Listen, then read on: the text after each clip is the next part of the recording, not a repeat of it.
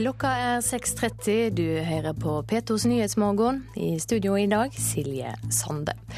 Og dette er hovedsaker i nyhetene denne morgenen. Det har vært en ny massakre i to syriske landsbyer, ifølge aktivister. Samtidig er det nå internasjonal semje om å hjelpe opposisjonen i Syria.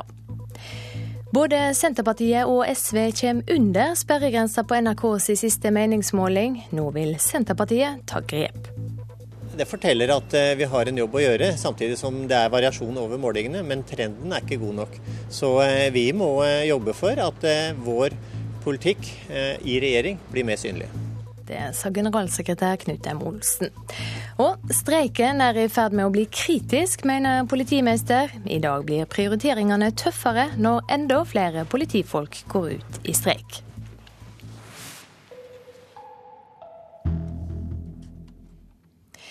I Syria er det rapportert om nok en massakre, bare to uker etter Hola-massakren. Aktivister og innbyggere i Al-Kobeir hevder at 100 mennesker er drepne av regimevennlige styrker, de fleste av dem kvinner og barn. I natt raser kampene igjen i Syria, denne gangen i Hamar-provinsen øst i landet. Detaljer rundt nattas hendinger er vanskelige å stadfeste, men det syriske nasjonalrådet hevder at om lag 100 sivile er drepne. De hevder det er såkalte Shabiha-gjenger som støtter Assad som står bak, og at det i all hovedsak er kvinner og barn som er drepne. En innbygger har fortalt til BBC at han så det brente liket av en tre måneder gammel baby. Syriske styresmakter nekter og hevder det er terrorister som står bak. Det sa reporter Raimond Lidal. Vi skal hjem. Både Senterpartiet og SV er under sperregrensa på NRK sitt partibarometer for juni. De to regjeringspartiene ville med det bare fått én stortingsrepresentant hver, dersom dette var valgresultatet.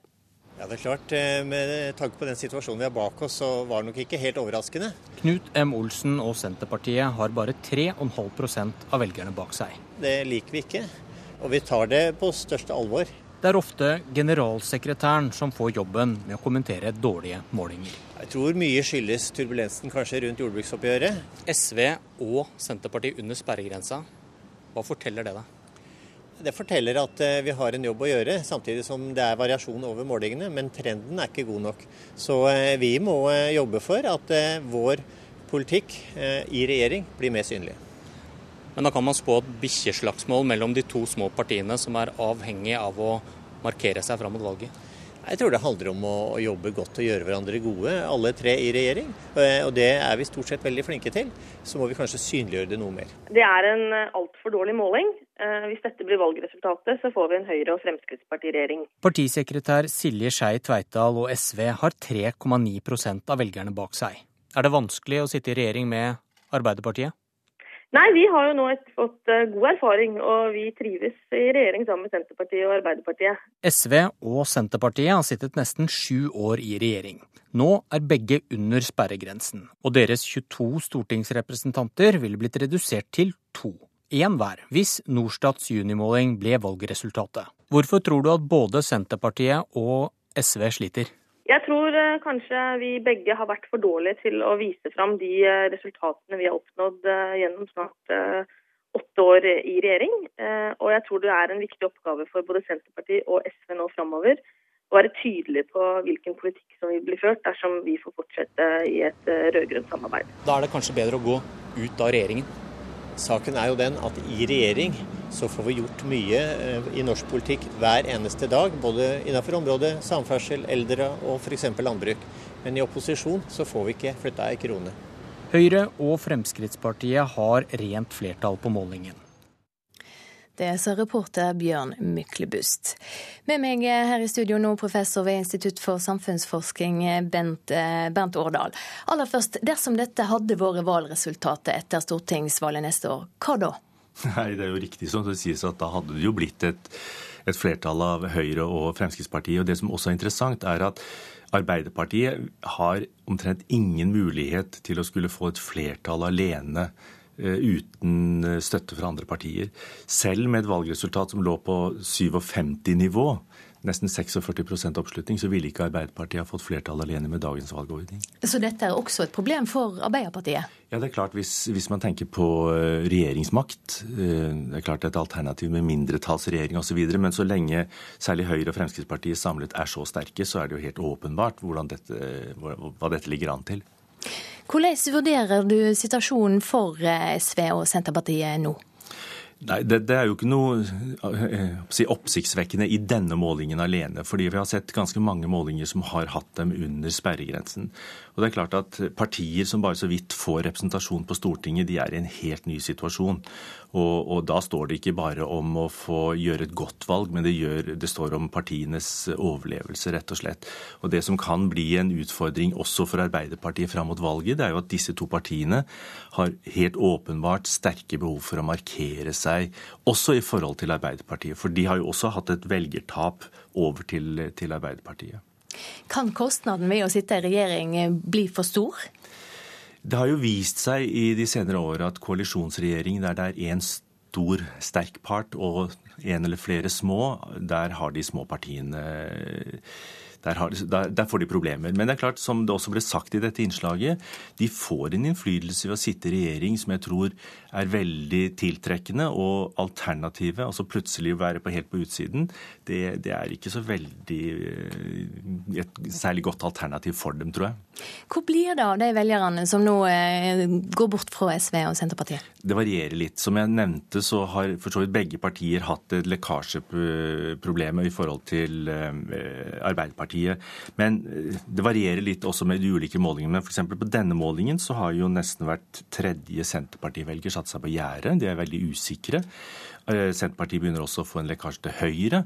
Og, det er også, For SVs del så, så taper de også til hjemmesittere, og det sprer seg egentlig. Så det er et litt uryddig mønster når vi ser på disse overgangene. Høyresida gjør det jo bra. Hva konsekvenser vil det få for valgkampen, tror du? Det er et veldig interessant spørsmål. fordi at eh, Denne målingen og flere andre målinger har vist at Høyre og Fremskrittspartiet kan få flertall sammen. Men det er et veldig stort usikkerhetsmoment knyttet særlig til, eh, til Fremskrittspartiets oppslutning. Også i denne undersøkelsen så viser uveide tall et mye lavere nivå. Og Det som da kan skje, er jo at hvis, hvis målingene fortsatt viser et veldig stor oppslutning for Fremskrittspartiet, samtidig som Høyre er så store som de er, og at de ligger an til flertall, så blir det veldig lite rom for sentrumspartiene, både Venstre og Kristelig Folkeparti. Og Da tenker jeg på mediedekningen i valgkampen neste år. Hvis det derimot viser seg at de to andre partiene er avhengig av Venstre og Kristelig Folkeparti for å ha flertall, så vil det også gi dem en helt annen plass i mediedekningen. Og Det er interessant i forhold nå når vi går inn i valgkampen. Eh, faktisk ganske snart. Takk skal du ha, Bernt Årdal. I dag blir politistreiken trappa opp, og i Søndre Buskerud politidistrikt blir 34 nye politifolk tatt ut i streik fra i dag. Med etterforskere i streik må politiet prioritere alvorlige brottsverk og hindre fare for liv og helse. Men nå er det i ferd med å bli kritisk for politiet, sier politimester Kristine Fossen. Det begynner å bli ganske kritisk for oss. Eh, vi prioriterer eh, beredskap og liv og helse og prøver å komme når folk trenger oss. Men alle mulige andre funksjoner nå ligger ganske stille i politidistriktet. Vi er et av de politidistriktene som er hardest rammet av streiken. Vi har hatt uttak fra første dag, slik at dette er krevende. I dag tar Unio ut ytterligere 34 arbeidstakere fra Søndre Buskerud politidistrikt i streik. Nå er totalt 163 politifolk tatt ut i streik fra dette politidistriktet. Målet er å få staten tilbake til forhandlingsbordet, sier lokal streikeleder for Unio Stat, Roger Fjellien.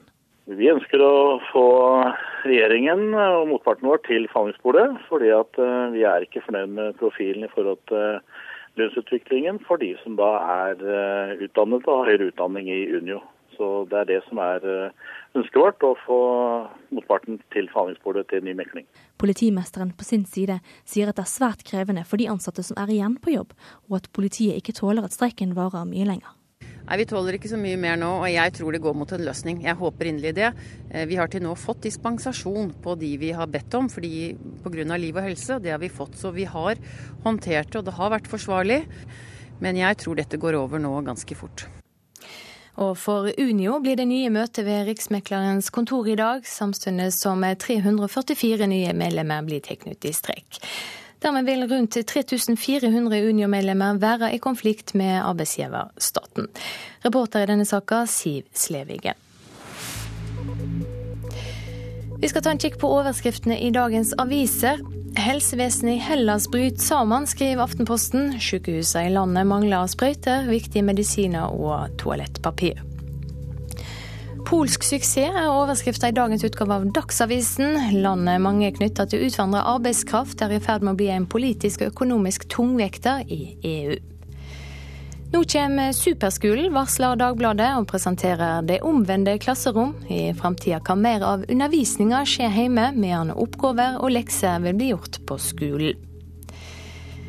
Dagens Næringsliv skriver om valutaspekulanten Trygve Bø, som har saksøkt Fokusbank. Bø hadde satsa 900 millioner kroner på at sveitsiske, sveitsiske franc skulle falle i verdi. Så sa banken stopp, like før valutaen stupte. Flere unge politikere satser på familien på Vårt Lands første side. Tord Lien fra Frp er en av flere unge politikere som takker nei til attval, og i stedet drar hjem til ektefelle og barn. Hydro-sjefen truer med utflagging dersom ikke rammevilkårene for aluminiumsproduksjon blir bedre. Først ut kan bli Søral-fabrikken i Hardangerfjorden, skriver Klassekampen. VG forteller hvor du kan finne sommervarme. Avisa presenterer 22 sydentilbud til under 1000 kroner i dag. Utlendinger tar kriseplasser fra bostadløse, skriver Adresseavisa. Utlendinger uten tak over hodet konkurrerer med rusmisbrukere om kriseovernattingsplassene hos Frelsesarmeen i Trondheim. Rema 1000 betaler leie for tomme lokaler, skriver Bergens Tidende. Matgiganten hindrer konkurrenter i å etablere seg, hevder huseieren, men Rema 1000 sier de prøver å komme seg ut av kontrakten. Nordlys skriver om høyrevinden som blåser i Tromsø. Spesielt nøgde er velgerne i meningsmålinga med ordfører Jens Johan Hjort.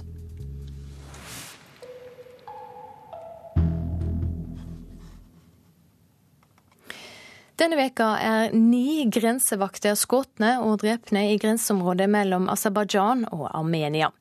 Fem av dem var aserbajdsjanske soldater, fire var armenere. USAs utenriksminister Hillary Clinton er i dette området disse dager, og hun ber nå begge parter om å slutte å bruke militærmakt. Og Moskva-korrespondent Hans-Wilhelm Steinfeld, hvor dramatiske er disse trefningene? Det er klart Når ni grensesoldater drepes på en uke, så er det dramatisk. Imidlertid sier eh, den fremste utenrikspolitiske rådgiver til Aserbajdsjans president, ambassadør Mamadov, til NRK at de er nokså rutinepreget, disse trefningene. De inntrer stadig vekk. Du var nylig i Aserbajdsjan. Hvordan ser tilhøvet i byene langs den gamle frontlinja? Det er en militarisert sone som krever særlig visum for å komme inn, og byene ligger der utbombet som spøkelsessamfunn. En million aserbajdsjanere flyktet fra Nagorno-Karabakh da Aserbajdsjan tapte krigen mot Armenia i 1992. Russerne mekler i striden mellom Armenia og Aserbajdsjan. Hva sier de? Utenriksminister Sergej Lavrov sier at jo mindre som sies høyt om disse forhandlingene, jo større er sjansen for at de kunne begynne å gi resultater. De har pågått resultatløse i mange, mange år. Hva rolle vil du se USA og Russland spiller i det sørlige Kaukasus? Russland har et godt forhold til Armenia, som ligger sør for Georgia. Og eh, dermed så spiller Russland litt på motsetningene mellom Aserbajdsjan og Armenia. USA derimot eh, har jo gode forbindelser med Georgia, som er Russlands store motstander i Kaukasus, hvor Hillary Clinton var før hun besøkte Baku. Så her er det et konfrontasjonsområde mellom USA og Russland. Ja, Vi hører i dag om nye massakrer i Tyrkia. Hillary Clinton traff en rekke ut, i, i, Syria også. Hillary Clinton eh, traff en rekke utenriksministre i Tyrkia sent i går kveld nettopp for å drøfte Syria. Eh, vil Russland holde fram med å stenge for FN-aksjonen mot eh, Assad-regimet? Ja, det var det siste president Vladimir Putin sa til EU-ledelsen i St. Petersburg denne uken. Så hvis vi ser på hvilke arabiske stater som var til stede i går med utenriksministrene sine i Tyrkia, så er det i hvert fall riktig å si i diplomatisk forstand at i spørsmål om Syria så bærer Russland havre til død merr i Midtøsten nok en gang. Takk skal du ha for at du var med, korrespondent Hans-Wilhelm Steinfeld. Klokka er straks 6.45. Du hører på Nyhetsmorgen i NRK P2 og Alltid nyheter. Hovedsaker hos oss i dag. Både Senterpartiet og SV kommer under sperregrensa på NRKs siste måling. Partiene ville fått én representant hver på Stortinget. Og Det har altså vært en ny massakre i to syriske landsbyer, ifølge aktivister. Samtidig er det internasjonal semje om å hjelpe opposisjonen. Og denne veka er ni grensevakter skutt og drepne i grenseområdet mellom Aserbajdsjan og Armenia.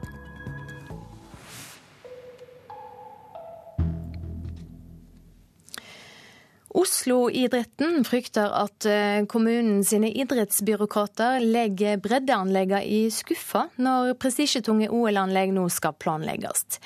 I går sa Oslo bystyre ja til å lage søknaden om vinter-OL i 2022. Leder i Oslo idrettskrets, Norvald Mo, er positiv til OL, men advarer mot de umiddelbare konsekvensene. For det første så er vi veldig glad for at bystyret nå sa ja til å sette av midler til å, å gå inn i en, en, søkeprosess.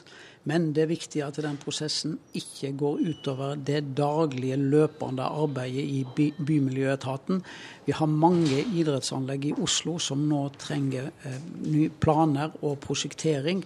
Og det arbeidet må ikke bli utsatt pga. arbeidet med OL. Østlandssendingen vet at planleggingen av breddeidrettsanlegg har blitt stilt i bero fordi nøkkelpersoner i stedet har jobbet med OL. Kretsleder Norvald Mo har bedt om et møte med ansvarlig byråd Ola Elvestuen for å forsikre seg om at dette ikke skjer når OL-planleggingen nå starter for alvor. I løpet av det neste året skal Oslo besvare detaljene i IOCs nær 7000 sider lange kravspesifikasjon, og finne ut hva som trengs av idrettsanlegg, mediefasiliteter, deltakerlandsby og annen innkvartering, veier, kollektivtrafikk og infrastruktur for øvrig. Ingen småjobb, erkjenner miljø- og samferdselsbyråd Ola Elvestuen. Det er klart det er en stor oppgave eh, for Oslo kommune å gjennomføre eller utarbeide da en søknad.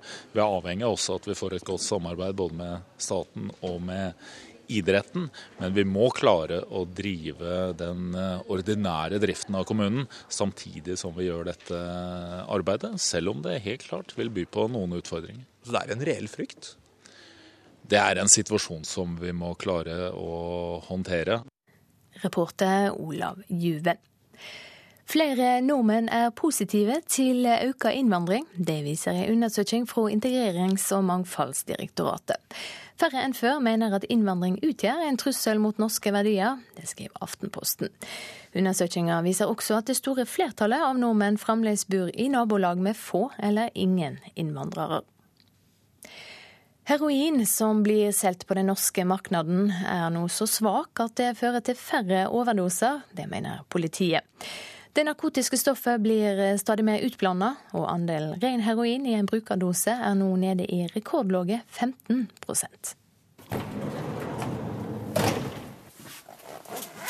Dette er motgift eh, som heter Naxolone, som vi bruker eh, mot eh, heroinoverdoser. Det gjør at pasienten da eventuelt våkner umiddelbart når vi får gjort dette. Ambulansearbeider Frode Grønnesby viser frem motmiddelet mot heroinoverdoser.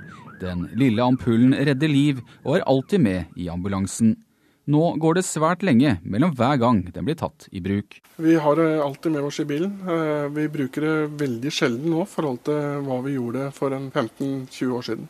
Politiet i Drammen bekrefter utviklingen. Stadig færre dør av heroinoverdoser. En av forklaringene er at stoffet blir svakere. De siste ti årene er styrkegraden på heroin mer enn halvert, forteller politioverbetjent Rune Bakkeli.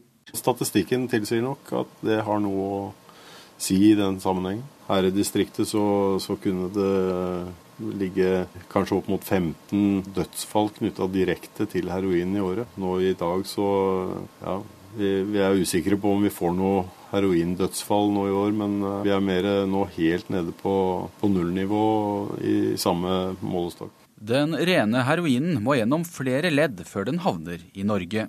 Mange ser sitt snitt til å blande ut stoffet på veien. Det begynner med små summer for bonden bort i Afghanistan og ender med til sammen store, svimlende store summer her hos oss. Så det er mange som skal gjøre seg rik på veien. Men svakere heroin innebærer også en risiko.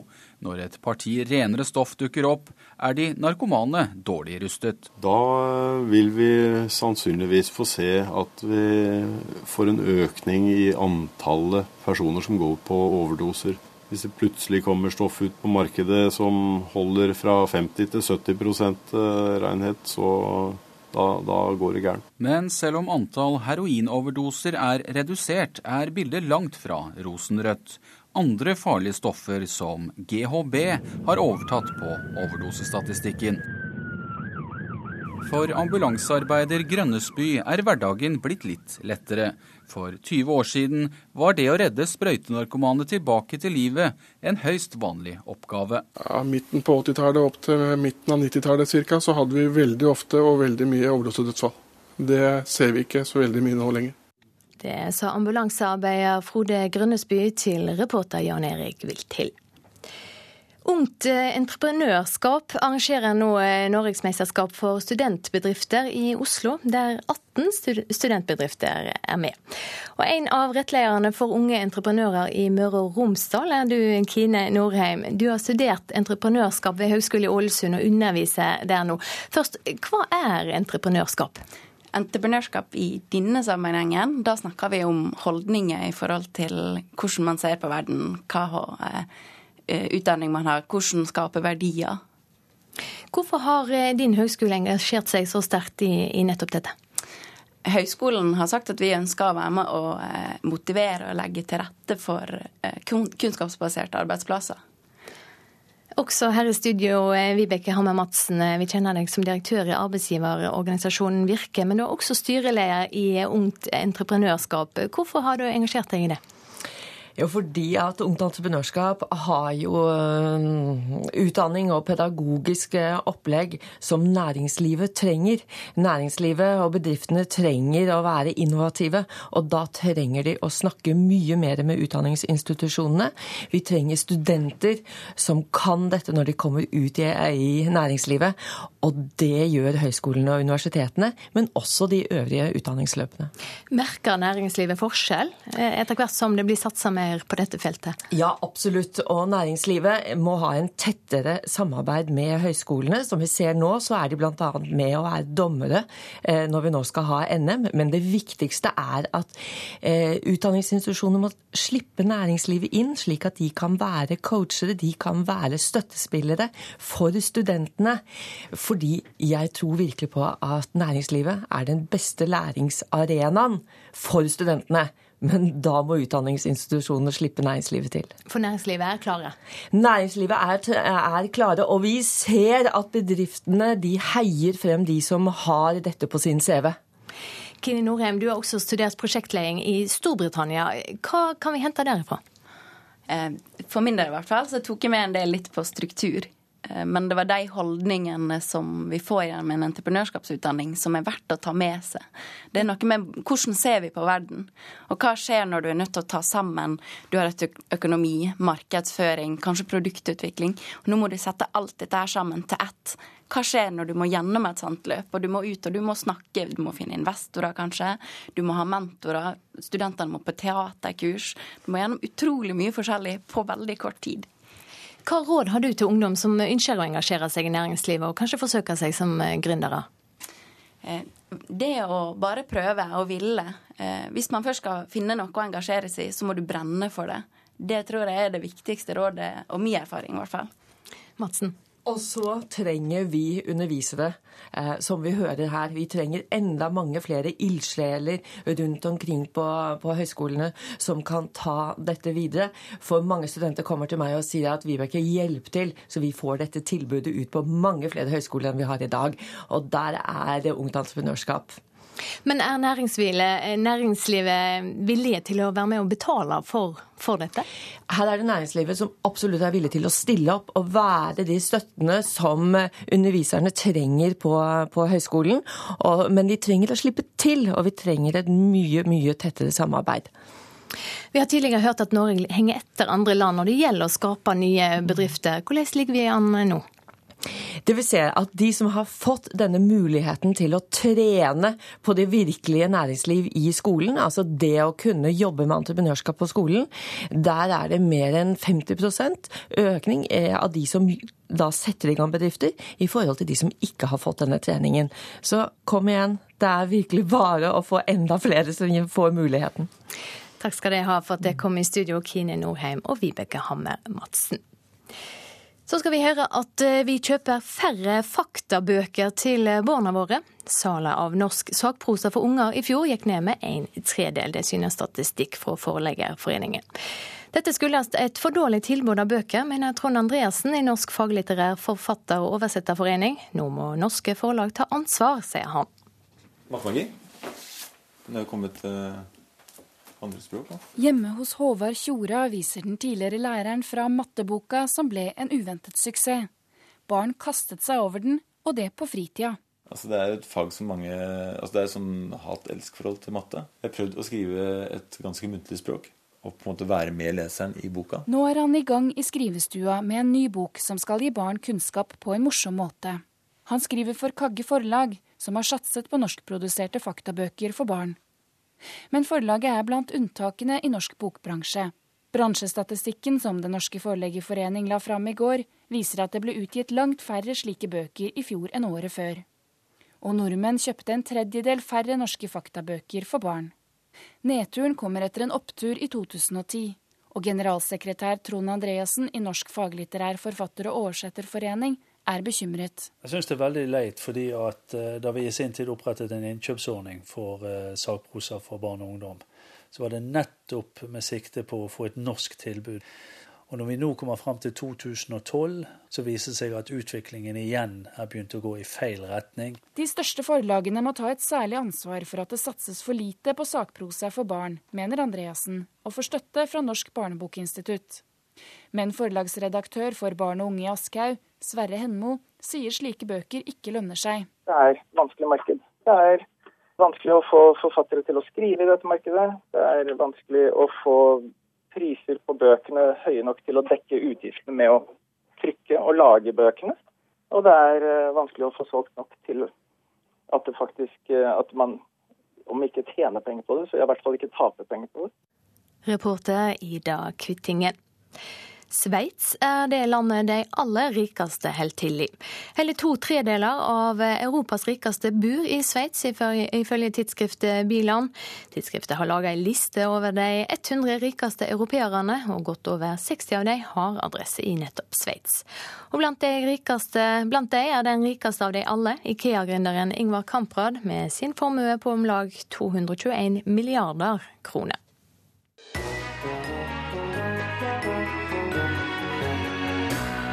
Alzheimer-alarm, diabetesepidemi og kreftfare. Norske aviser fylles stadig mer av farlige sykdommer som truer helsa vår. Men hvorfor har norske medier blitt så opptatt av helse? Og får vi den hjelpen og informasjonen vi egentlig trenger for å ta bedre vare på helsa vår, spør vi i Radioselskapet på P2 klokka 11.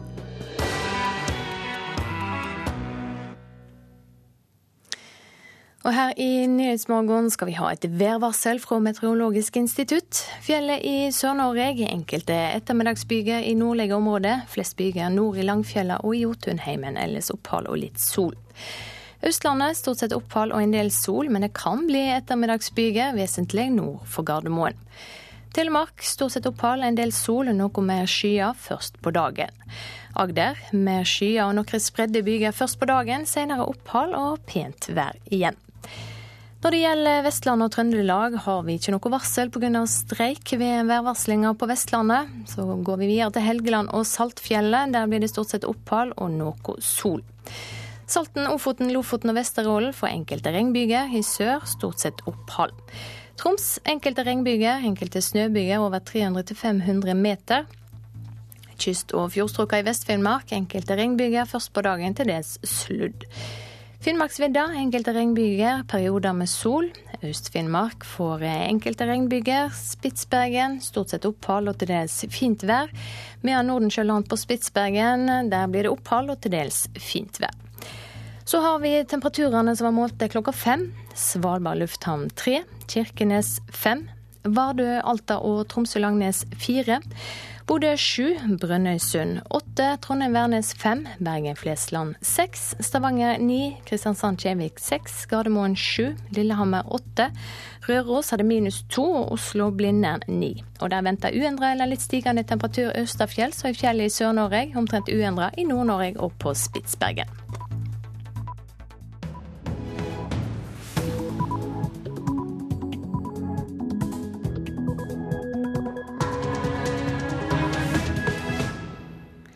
Klokka er sju. Du hører på Nyhetsmorgen med Silje Sande i studio. Vi skal ha en nyhetsoppdatering. Vestlege og arabiske land er samlet om å danne en ny koordineringsgruppe for å hjelpe den syriske opposisjonen. Det har vært en ny massakre i to syriske landsbyer, ifølge aktivister. Detaljer rundt nattas hendelser er vanskelige å stadfeste, men det syriske nasjonalrådet hevder at om lag 100 sivile er drepne Konspirasjonsteorier på nettet etter 22.07 skylder både Nato, norske politifolk og jøder for å stå bak terroren. The evidence points to a private network or indeed a NATO network inside the police. Streiken er i ferd med å bli kritisk, mener politimester. I dag blir prioriteringene tøffere når enda flere politifolk går ut i streik. Og det ble mer konflikt enn naudsynt i lønnsoppgjøret fordi LO, YS og Unio måtte protestere sammen. Det sier akademikerne. Både Senterpartiet og SV kommer under sperregrensa på NRKs siste måling. Partiene ville fått én representant hver på Stortinget. Jeg tror mye skyldes turbulensen kanskje rundt jordbruksoppgjøret. Det sa generalsekretær Knut M. Olsen i Senterpartiet. Til Syria nå. Der er det rapportert om nok en massakre bare to uker etter Hola-massakren. Aktivister og innbyggere i Al-Kobeir hevder 100 mennesker er drepne av regimevennlige styrker. De fleste av dem er kvinner og barn. Syriske styresmakter nekter for å ha noe med nattas vold å gjøre.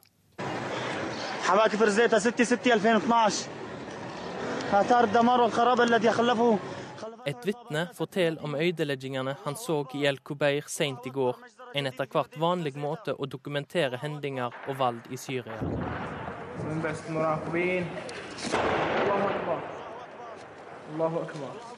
I natt raser kampene igjen, denne gangen i Hamar-provinsen øst i landet. Detaljer rundt nattas hendinger er vanskelig å stadfeste. Det syriske nasjonalrådet, opprettet av opposisjonen i landet, hevder om lag 100 aktivister er drepne mens Syrian Observatory for Human Rights opererer med 87 drepne. Det de er samlet om, er å kalle det en massakre utført av styrker lojale til regimet, såkalte shabiha-gjenger, og at de drepne i all hovedsak er kvinner og barn. En innbygger har fortalt til BBC at han så det brente liket av en tre måneder gammel baby. Syriske styresmakter hevder derimot at det ikke hadde noe med hendelsene å gjøre, og legger skylda på terrorister. Massakren skjedde bare timer etter at utenriksministre for gruppa Syrias venner hadde møtt i Istanbul onsdag kveld. Hillary Clinton advokerte for nye økonomiske sanksjoner mot det syriske regimet, og lufta irritasjon over Kina og Russland, som hun sier står i veien for en løsning. Det sa reporter Raymond Lidahl. Og Midtøsten-korrespondent Sigurd Falkenberg Mikkelsen, du er med oss fra Kairo. Hva slags reaksjoner har det kommet etter meldingene om denne, disse nye massakrene i Syria? Nei, Den syriske opposisjonen tar jo til orde for økte militære angrep på Assads eh, styrker. De har jo allerede sagt at de ikke lenger respekterer våpenhvilen, at de ikke lenger ser noe poeng i det, eh, så lenge angrepene eh, fortsetter mot sivile, og at regjeringen ikke trekker tilbake sine militære styrker, slik Annan-planen stipulerer. Og Det har jo vært liten tro på denne Annan-planen i opposisjonen lenge. Eh, sånn at eh, de ser på dette som eh, De er i et militært modus mye mer enn, mye, mye mer enn et politisk modus for tiden. Hva sier syriske styresmakter til skyldningene? Ja, altså, De har gått ut i media og avkreftet at det har skjedd noe. At disse rapportene som har kommet er falske. De sier derimot at, noen, at terrorister har begått noen drap, men langt fra så mange eh, som aktivistene sier. Dette minner jo om reaksjonsmønsteret også etter Hola-massakren. Eh, og Nå er det da opp til FN å etterforske på nytt eh, hva som har foregått. De har folk i Hama-området, så vi får se hva de kommer fram med i, i løpet av dagen. Ja, Vi har hørt i dag at vestlige og arabiske land har satt ned en ny koordineringsgruppe for å hjelpe opposisjonen i Syria. Eh, Iran får ikke være med i denne gruppa. Hvorfor? Nei, Det er jo fordi dette er en koordinasjonsgruppe for opposisjonen. Og Iran er jo den viktigste regionale støttespilleren for regjeringen i Syria. Eh, og Iran eh, splitter jo på mange måter eh, området i en front mellom Iran, Syria og også da Hizbollah i Libanon, mellom en del av de store sunnimuslimske landene som Saudi-Arabia og også da Qatar, som er et lite land, men etter, hvert en viktig spiller. Eh, det som derimot det er snakk om, er en, å opprette en kontaktgruppe for Syria som blir mye bredere, eh, hvor både venner og fiender av regimet skal delta. Dette er jo et forsøk som, jeg, som antagelig Kofi Annan kommer til å legge fram i FN senere i dag, eh, for å prøve å redde fredsplanen. Ja, hva kan en slik kontaktgruppe bidra med? Ja, i første omgang så blir det vel på en måte å prøve å finne fram noen framforhandlede løsninger. og Det er jo da mye spekulasjoner rundt uh, skjebnen til president Bashar al-Assad. Uh, det er snakk om en løsning à la den som skjedde i Jemen, hvor lederen blir presset ut, men mye av regimet blir beholdt.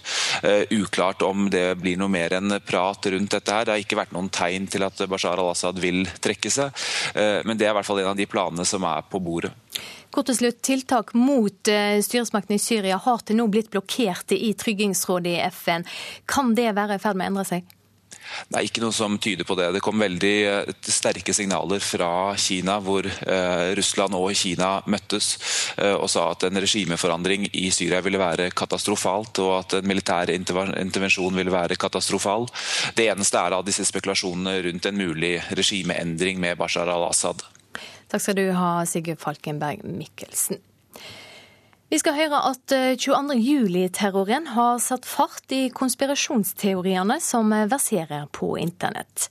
Både jøder, Nato og norsk politi blir skylda for å ha brukt Anders Behring Breivik til å gjennomføre terroren. Andre går så langt som til å hevde at Breivik ikke eksisterer, eller at det aldri var noe terroråtak. Ja, det har vi. Her har vi da et uh, nettsted som heter Clues Forum, som så vidt jeg har skjønt er italiensk. Ja, her ser du, ikke sant. En bilde av skadede. Det er helt klart dette er en dårlig uh, video-fake job, som det står. Dette er de som er da skadet i regjeringskvartalet rett etter at bomben er uh, ja. gått av? Og de mener da at opptakene er falske med en gang. Medieviter Jon Færseth viser vei i jungelen av konspirasjonsteorier på internett. Bruker av dette italienske nettstedet gransker bilder fra regjeringskvartalet etter bomben 22.07, og konkluderer med at det ikke har vært noe terrorangrep. Og da, ja, her har vi noen som står da 'An actress, I mean a victim, is being interviewed'. Med andre ord, de hopper til den konklusjonen med en gang at uh, selvfølgelig er ofrene bare skuespillere. Det virker underlig, men internett er fullt av konspirasjonsteorier om 22.07. For selv om de fleste konspirasjonsteoretikere tror at terrorangrepene fant sted, er det mange som tror at mediene lyver om hva som egentlig skjedde. After bombing downtown Oslo, Anders Breivik teleported himself to the island of Utoya. Breivik må ha forflyttet seg fra Oslo til Utøya på overnaturlig vis, ironiserer en amerikansk kvinne på et klipp på nettstedet YouTube. Hun er sikker på at noen andre enn Anders Behring Breivik står bak angrepet. All the typical earmarks of a false flag are there. False flag, eller falsk flagg, brukes i betydningen at noen med en skjult agenda gjennomfører et angrep som noen andre får skylden for. Mange konspirasjonsteoretikere tror at store terroranslag som 11.9. og 22.07 er slike falske flaggoperasjoner. Jødene, frimurere, den hemmelige organisasjonen Illuminati og reptilske romvesen i menneskeform er blant dem som får skylden. Historikeren Webster Tarpley, en kjendis innenfor myndighetskritiske miljøer i USA, mener terroren var en Nato-aksjon, og at infiltrert norsk politi var medskyldige. The evidence points to a private network or indeed a NATO network inside the police. You believe then that NATO has planned this and that Breivik is used to do the attacks. Is that correct? Or I would say a competent investigation would start from that as a hypothesis. Most Norwegians, I think, would find this, uh, your view, highly unlikely. Why should they believe you instead of the mainstream media, which is us? Look at the facts um, and see which is the most, uh. På spørsmål om hvorfor folk i Norge skal tro hans versjon i stedet for versjonen i vanlige medier, som NRK, svarer Tarpley at folk selv må se på fakta. Flere publiserer teorier om at Breivik er brukt, f.eks. av jøder. I believe the Zionists have begun a new stage of terrorism.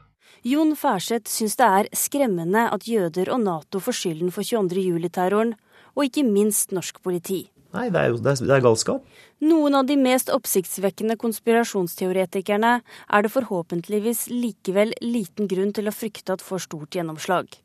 Som dem som på YouTube gransker videoene fra rettssal 250, og i skriftlige kommentarer hevder at terroristen Anders Behring Breivik ikke eksisterer, men tvert imot er manipulert inn i alle bilder. Rettssal er jo utgangspunktet fullt av mennesker, men det er klart at for disse folka her så betyr jo det bare at uh, alle disse oss som har vært med på det, og det viser jo bare hvor stor sammensvergelsen er. Men det er jo også da journalister fra hele verden som sitter i den rettssalen? Mm. Mainstream media, vet du, de er jo alltid med på sammensvergelsen. Det sa medieviter Jon Ferseth til reporter Tonje Grimstad. Terje Emberland, religionshistoriker og seniorforsker ved Holocaust-senteret i Oslo. For å ta det siste først, du har sjøl vitna som historisk sakkunnig i terrorrettssaker. Hvordan er det mulig at konspirasjonsteoretikere kan hevde at Brevik er fotomanipulert inn i bilder fra retten? Ja, de kan jo hevde at han er en reptil fra det ytre rom også.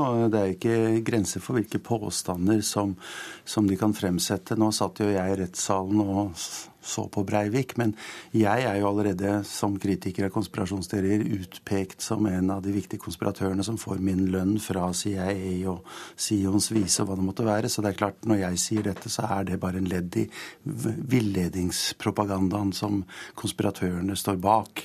Så jeg kan jo, altså det er umulig å motbevise en konspirasjonsteori, for hvis du kritiserer den, så er du bare en del av konspirasjonen. Men er det viktig å få dette fram i lyset slik vi gjør nå, eller burde vi absolutt ikke gjøre det? Det er viktig fordi konspirasjonsteorier er det som motiverer terror i størst grad. Vi ser de alle store terroraksjonene gjennom de siste tiårene i Europa, så har konspirasjonsteorier veldig ofte vært en viktig motiverende faktor. Og det er det jo også for Breivik. Han tror jo at Norge er styrt av en sammensvergelse, en skjult sammensvergelse av muslimer og kulturmarxister. Og det er det som begrunner at han mener det er seg berettiget til å gripe til våpen som i en slags motstandskamp mot denne konspirasjonen. Så konspirasjonsteorier er livsfarlige. Hvorfor kommer folk opp med slike teorier? Verden er kaotisk, uoversiktlig. Man syns man ikke klarer å få grep om tilværelsen. Man ønsker enkle forklaringer. Vi ser at i alle store hendelser, altså hendelser som får store konsekvenser, det være seg Kennedy-drapet, Palmedrapet, Breivik-aksjon, så har man veldig vanskelig for å skjønne at små hendelser, altså enkeltaktører, kan uh, gjøre noe som får så store konsekvenser. Man ser etter veldig store eh, årsaker til ting som får store konsekvenser. Det er en slags sånn logisk feilslutning som disse konspirasjonsteoriene bygger på. Og I tillegg så vil jo alle disse som vi fikk presentert her, gjerne tolke terroren til Breivik inn i sitt eget verdensbilde. Og da, altså, Dette er jo hans trosfeller på forskjellig vis eh, som her snakker. Breiviks trosfeller. Og de har jo et problem eh, etter de grusomme hendelsene som skjedde 22. Og da vil de gjerne prøve å bruke den, disse hendelsene slik at det bekrefter deres verdensbilde istedenfor å vise hvor farlig det er. Hvordan kan en eh, komme bort fra slike teorier? Avvise dem? Ja, vi trenger eh, folkeopplysning. Eh, altså Folk får jo en enorm mye av denne såkalte informasjonen, eller misinformasjon på nettet. Folk er skeptiske til autoriserte sannheter. Det vi trenger, er å utstyre folk med evnen til kritisk tenkning. Dette må skje gjennom skolen og utdannelsen. Til å avsløre det feilaktige resonnementene og logikken som ligger bak konspirasjonstenkning. Takk skal du ha for at du kom i studio, Terje Emberland. Både Senterpartiet og SV er under sperregrensa på NRK sitt partibarometer for juni. De to regjeringspartiene ville dermed fått én stortingsrepresentant hver, dersom dette var valgresultatet. Jeg tror mye skyldes turbulensen kanskje rundt jordbruksoppgjøret.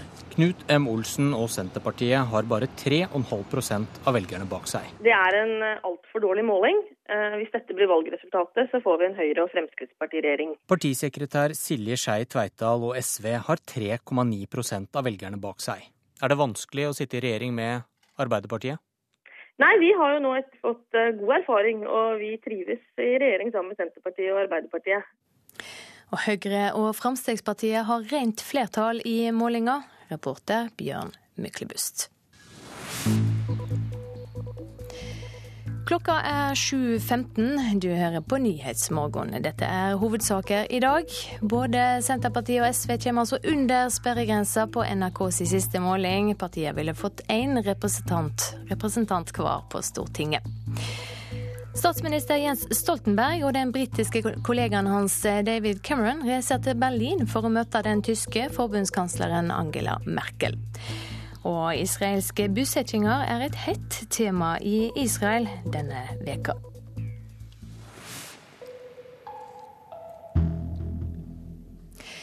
Debatten om hva som gikk gale i lønnsoppgjøret for offentlig sektor i år, er i full gang. Akademikerleder Knut Årbakke tror én grunn til storkonflikten i offentlig sektor er at LO, YS og Unio forhandler sammen. Da kan de ha følt seg forplikta til å ta en konflikt sammen også, selv om det ikke var mye å tjene på det, sier han. Det som skjer i staten, det er jo at uh, de tre uh, organisasjonene LO, YS og Unio velger å opptre samlet. Og de samlet spente en uh, høy forventning og kastet landet ut i en storkonflikt som strengt tatt burde vært unngått. I hva grad ble omfanget av den eh, storkonflikten større fordi de tre sto samla? Det er klart Når det blir sånn alle for én, så uh, uavhengig av hva den enkelte måtte mene, så blir det sånn at uh, du får vetorett hos en av organisasjonene. Og Da vil det være sånn at hvis den ene er misfornøyd, så må de andre være misfornøyd også. Uh, det tror jeg var med på å øke omfanget av den streiken vi fikk i staten. I forrige hovedoppgjør følte akademikerne at de ble tvunget ut i streik uten å ville det selv. I år forhandlet vi alene, noe vi er veldig glade for, sier Akademikernes kommuneleder Ole Jakob Knutsen. Det samme skjedde i 2010. Da fikk vi ikke noe skisse. I år fikk vi ikke noe skisse. Og Det er ikke det at vi var uenige med arbeidsgiver, men det var rett og slett ikke noe på bordet. Og Skal vi da ramme tredjemann ved å streike, eller skal vi vente til at staten ble ferdig med det de måtte gjøre? Og vi valgte å vente på staten. Mange forhandlere, både i stat og kommuner, har uttrykt stor frustrasjon over forhandlingsprosessene i årets lønnsoppgjør. Men på spørsmålet hvem har skylden, får vi mange slags svar.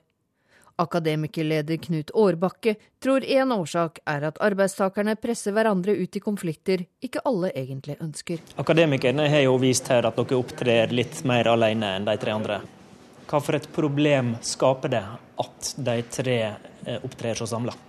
Det skaper det problemet at de eh, ikke klarer å, å, differensiere på det som kommer. De må opptre samlet og vurdere dette som en samlet enhet. Istedenfor at enkeltgrupper kunne sagt f.eks. LO eller YS eller Unio kunne sagt dette er ålreit for oss. Og det gjorde konflikten større her? Ja, Jeg tror det er rimelig å anta det. Så omfanget kunne vært mindre?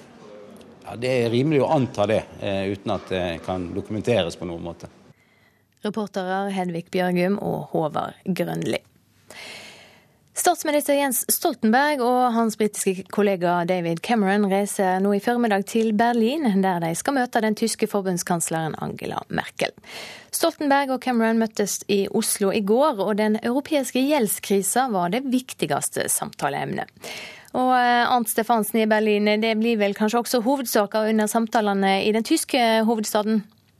Det blir det. De to statsministrene kommer sammen med fly hit til Berlin i formiddag. og De skal ha en såkalt arbeidslunsj ved tolvtiden, der den europeiske finanskrisa og gjeldskrisa blir hovedsaken. I tillegg så skal de snakke om energispørsmål og om den dramatiske situasjonen i Syria. Tyskland er jo i en nøkkelposisjon når det gjelder å løse eurokrisa. Hva kan du si om hvordan den tyske regjeringa tenker om det nå? De tenker som så at man må gjøre mer enn det som er gjort til nå. Eh, den tyske parolen, som også har preget eh, skal vi si, eh, den måten eurosonen har Eh, forsøkt å takle denne krisa på, det har jo vært eh, sparing eh, for å få ned alle disse svære underskuddene, og økt produktivitet. Problemet med disse parolene, som egentlig er riktige, er at det tar for lang tid. og Da må man gjøre noe for å få fart på økonomiene, få, skape arbeidsplasser. og Det er de, langs de banene man nå tenker. Og hele Europa, for å, for å bruke et litt forenklet bilde, sitter nå og venter på hva den tyske regjeringen vil komme med. Og den kommer med noe, det er helt sikkert. Det, det, det vet man fra en, en, rekke skal vi si, lekkasjer fra, fra, systemet. Og i hvert fall regner man med at de kommer med eh, disse eh, nye ideene om, om løsning eh, på EU-toppmøtet i Brussel nå i slutten av juni. De tre regjeringssjefene skal også møte et hundretalls studenter. Hva skal skje der? Du, dette er et sånt prestisjeprosjekt som Angela Merkel har drevet nå de siste månedene, der hun uh, har laget en egen internettportal som heter Fremtidsdialog. og Hun vil da bruke internett for å øke folks uh, politiske engasjement og, og deltakelse. Og, um, ideen er altså at folk skal komme med innspill på viktige saker uh, som er viktige for Tyskland i fremtiden. og Man har altså laget et slags folkemøte rundt dette med Stoltenberg og Cameron til stede her i Berlin i dag. Takk skal du ha, Arnt Stefansen. Politiet i Italia har pågrepet en 68 år gammel mann mistenkt for bombeåtaket mot en skole i byen Brindisi 19. mai. Ei 16 år gammel jente ble drept og flere andre såra i eksplosjonen utenfor skolen. Mannen skal i avhør ha tilstått at han bygde og planta bomber. En ny dansk bok peker ut en ny mann som Olof Palmes drapsmann. Palme var svensk statsminister og ble skutt og drept på åpen gate i 1986. To år etter drapet ble Christer Petterson, eh, Petterson, arrestert som drapsmann, men tidligere hemmelige dokument peker ut en 56 år gammel mann politiet kaller dobbeltgjengeren hans. Det skriver Aftonbladet. Det er et lite framsteg innen miljø og klima, syner en ny FN-rapport. En økning i folketallet og økt forbruk er i ferd med å skape uopprettelig skade på jorda. Rapporten kommer to uker før politiske ledere fra hele verden skal samles til internasjonalt toppmøte i Rio. Israel nå. Der har det vært kamp denne veka om de kontroversielle bosettingene, både i nasjonalforsamlinga og blant folket. Statsminister Benjamin Netanyahu har gjort seg upopulær de siste dagene. Han må ta omsyn til både det internasjonale samfunnet og egen heimebane. No to destroying buildings. Say yes to building. We're here to build to tell our prime minister we want to build. Leo Bloomberg er en av mange israelere som demonstrerer mot statsminister Benjamin Netanyahu og for et lovforslag som skal gjøre det umulig å rive en hva som helst bosetnad på det okkuperte Vestbredden. Tradisjonelt er bosetterne svært viktige støttespillere til statsministeren, men nå er de sinte fordi han har gått imot det nye lovforslaget. Netanyahu har uttalt at en slik lov ikke vil være til gode for bosetnadsbevegelsen, men tvert om være negativ. Men akkurat det roer ikke bosetterne, som i flere dager har protestert mot det de kaller en fare for Israels identitet. I utgangspunktet ville fem leiligheter vært rivne og 30 bosettere vært kastet ut av bosetnaden Beit El dersom loven ikke fikk gjennomslag. Israelsk høyesterett hadde dømt leilighetene ulovlige, og statsministeren har vanskelig for å jobbe mot en slik dom.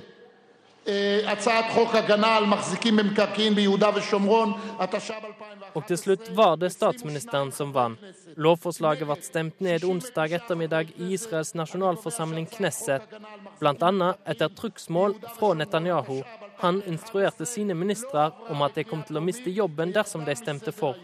Etter samlinga i Knesset begynner derimot det politiske spelet.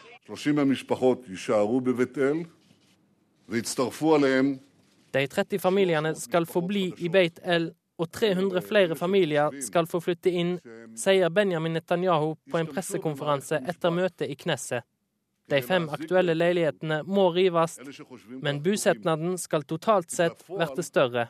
Netanyahu har nok en gang orientert seg smart overfor det internasjonale samfunnet og media i en pressa situasjon, mener Trude Strand, stipendiat ved Universitetet i Oslo. Benjamin Netanyahu er en eh, god eh, taktisk eh, politiker og har helt sikkert tenkt veldig nøye gjennom hvordan han skal organisere dagen. At Israel ikke skal legalisere disse såkalte utpostene, er noe USA har stått veldig hardt på over lang tid.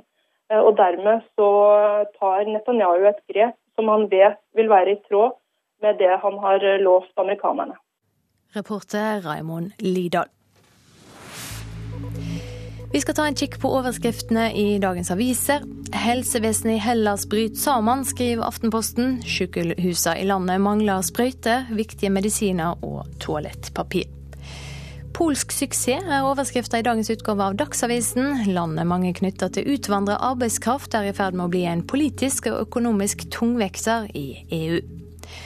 Nå kommer superskolen, varsler Dagbladet, og presenterer det omvendte klasserom. I framtida kan mer av undervisninga skje hjemme, medan oppgaver og lekser vil bli gjort på skolen. Dagens Næringsliv skriver om valutaspekulanten Trygve Bø, som har saksøkt Fokusbank. Bø hadde satsa 900 millioner kroner på at sveitsiske frang skulle falle i verdi. Så sa banken stopp like før valutaen stupte. Hydro-sjefen truer med utflagging dersom ikke rammevilkårene for aluminiumsproduksjon blir bedre. Først ut kan bli Søral-fabrikken i Hardangerfjorden. Det skriver Klassekampen. Og utlendinger tar kriseplasser fra bostedløse, skriver Adresseavisa. Utlendinger uten tak over hovedet konkurrerer med rusmisbrukere om kriseovernattingsplassene hos Frelsesarmeen i Trondheim.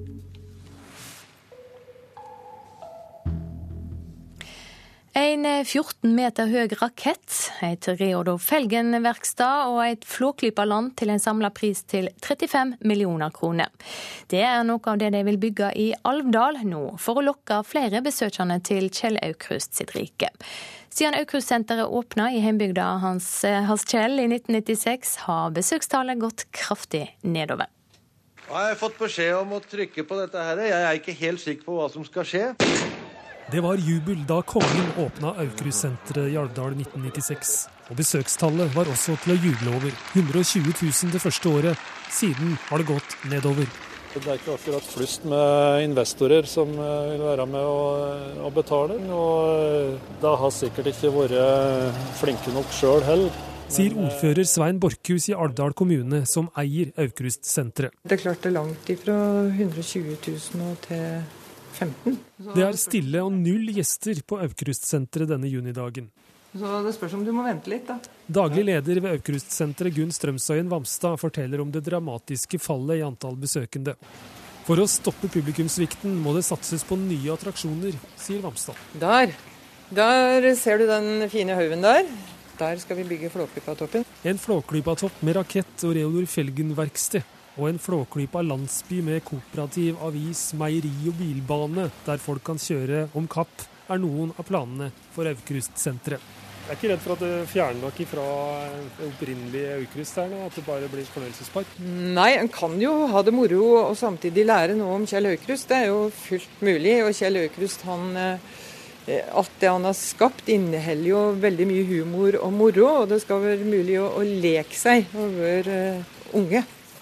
Her er det Solander og Ludviger, tenker jeg. Prislappen for hele utbygginga er til sammen beregnet til 35 millioner kroner. Et stort beløp for en liten fjellkommune. Aukrustsenteret og Aukrust er jo det som er merkevara til Alvdal. Nå skal politikerne i Alvdal si ja eller nei til lån og lånegaranti på til sammen 6,5 millioner kroner. Ifølge ordføreren vil det bli ja. En kommune som eh, vil ha utvikling, er nødt til å bruke penger. Ellers så blir det stagnasjon og tilbakegang. Nei, dra meg nå baklengs inn i fuglekassa! Reporter her, det var Stein Eide. Du eh, hører på Nyhetsmorgon. Etter Dagsnytt straks så skal vi høre at mange tyskere er skeptiske til å avvikle all atomenergi i landet. De dårlige meningsmålingene for SV og Senterpartiet er tema i Politisk kvarter. I studio under denne sendinga Silje Sande, produsent for Nyhetsmorgen Ulf Tannes Fjell.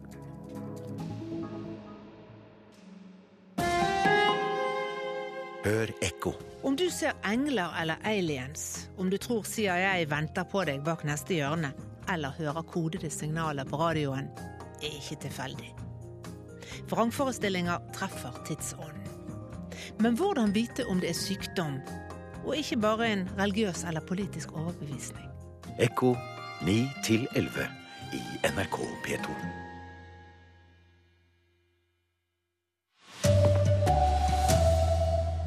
Nye massakre i to syriske landsbyer sent i går kveld, ifølge aktivister. Senterpartiet og SV er under sperregrensen på ny måling, ville fått én stortingsrepresentant hver dersom dette var valgresultatet. Og det florerer av konspirasjonsteorier etter 22.07. på internett. Her er NRK Dagsnytt klokken 7.30. Både Senterpartiet og SV er under sperregrensen på NRKs partibarometer for juni. De to regjeringspartiene ville dermed bare fått én stortingsrepresentant hver dersom dette ble valgresultatet. Og vi tar det på største alvor. Det er ofte generalsekretæren som får jobben med å kommentere dårlige målinger. Jeg tror mye skyldes turbulensen kanskje rundt jordbruksoppgjøret. Knut M. Olsen og Senterpartiet har bare 3,5% av velgerne bak seg.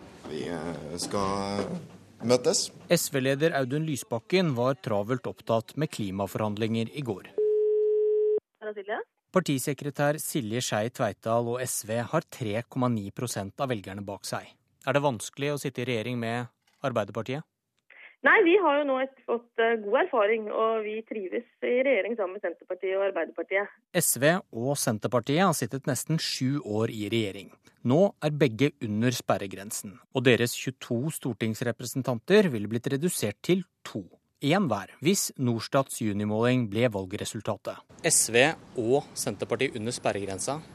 Hva forteller det deg? Vi må eh, jobbe for at eh, vår politikk i regjering blir mer synlig. Og jeg tror det er en viktig oppgave for både Senterpartiet og SV nå framover å være tydelig på hvilken politikk som vil bli ført dersom vi får fortsette i et rød-grønt samarbeid. Høyre og Fremskrittspartiet har rent flertall på målingen. Det er litt over ett år til valget, noen håper velgerne står musestille, mens andre Dersom vi ikke nå får økt oppslutning, så blir det en Høyre- og Fremskrittspartiregjering. Jeg tror på at vi kan klare å snu den trenden før valget neste år. Reporter her var Bjørn Myklebust. I Syria har det altså vært nok en massakre bare to uker etter Hola-massakren. Aktivister og innbyggere i Al-Kobeir i Hama-provinsen hevder at 100 mennesker er drept av regimevennlige styrker. De fleste av dem skal være kvinner og barn.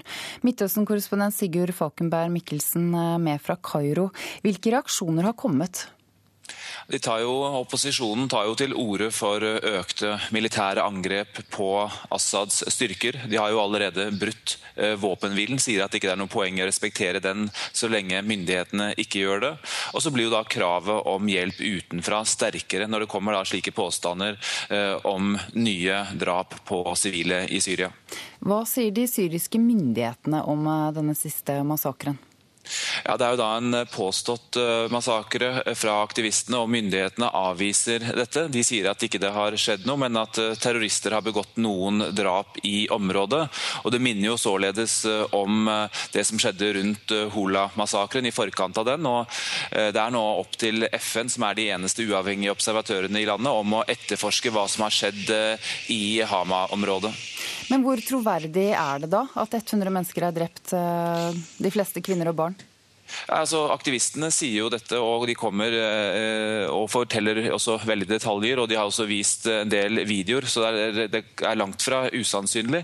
Eh, men det er altså umulig å bekrefte uavhengig på det nåværende tidspunkt. Bare timer før dette skal ha skjedd i Istanbul, drøftet eh, gruppen Syrias venner situasjonen i eh, Syria. Hva kom frem der? Det kom fram økt støtte til den syriske opposisjonen. De prøver jo å samle den opposisjonen for å få til et politisk momentum.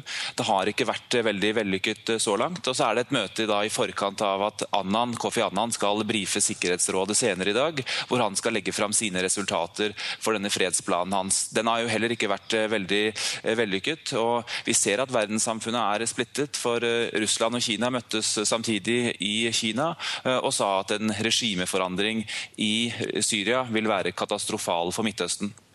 Takk til deg, Midtøsten-korrespondent Sigurd Falkenberg Mikkelsen.